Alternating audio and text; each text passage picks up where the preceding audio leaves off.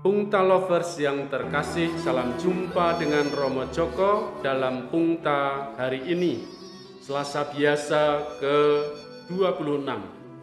Diambil dari Injil Lukas bab 9 ayat 51 sampai 56. Renungan kita berjudul Otoriter dan Represif. Kita pernah mengalami zaman kelam di masa Orde Baru pada waktu itu muncul istilah KKN, korupsi, kolusi, dan nepotisme. Pemerintah bertindak otoriter, semua harus tunduk, siapa pun yang menentang akan dihabisi. Pers yang kritis dibredel, mahasiswa demo dibubarkan dengan senjata dan pentungan. Tidak boleh mengkritik kebijakan pemerintah, Orang mencari aman dengan sikap ABS, asal Bapak senang.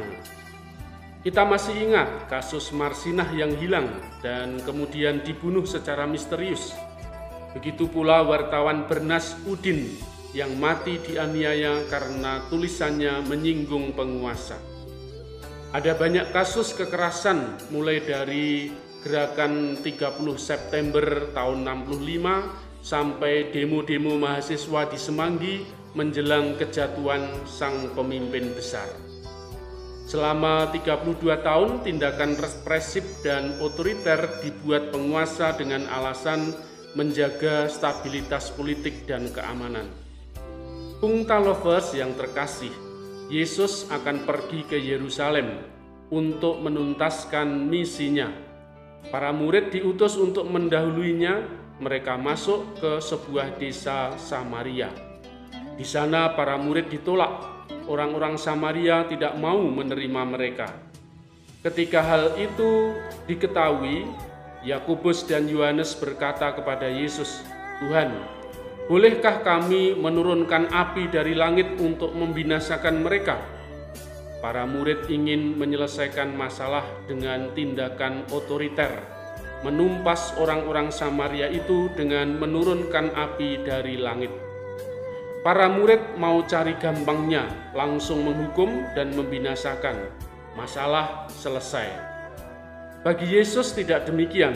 Ia berkata, Anak manusia datang bukan untuk membinasakan orang, melainkan untuk menyelamatkannya.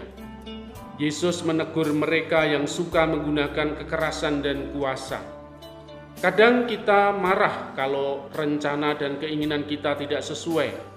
Kita cenderung meluapkan amarah dengan kekerasan dalam menghadapi segala masalah. Tindakan itu justru tidak menyelesaikan masalah. Kalau di tengah jalan ada batu besar, kita bisa menghindari batu itu atau memindahkannya ke pinggir. Jangan menabrak batu itu, kita pasti jatuh dan terluka. Yesus mengajak para murid pergi ke desa lain.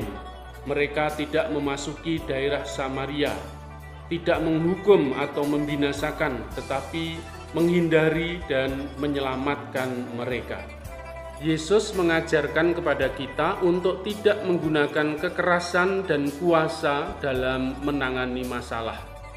Paling tidak, jangan langsung marah, karena itu tidak akan menyelesaikan masalah. Ada sisa-sisa embun di pagi hari, berjalan di rerumputan yang basah. Mari kita belajar mengendalikan diri, tidak mudah marah menghadapi masalah.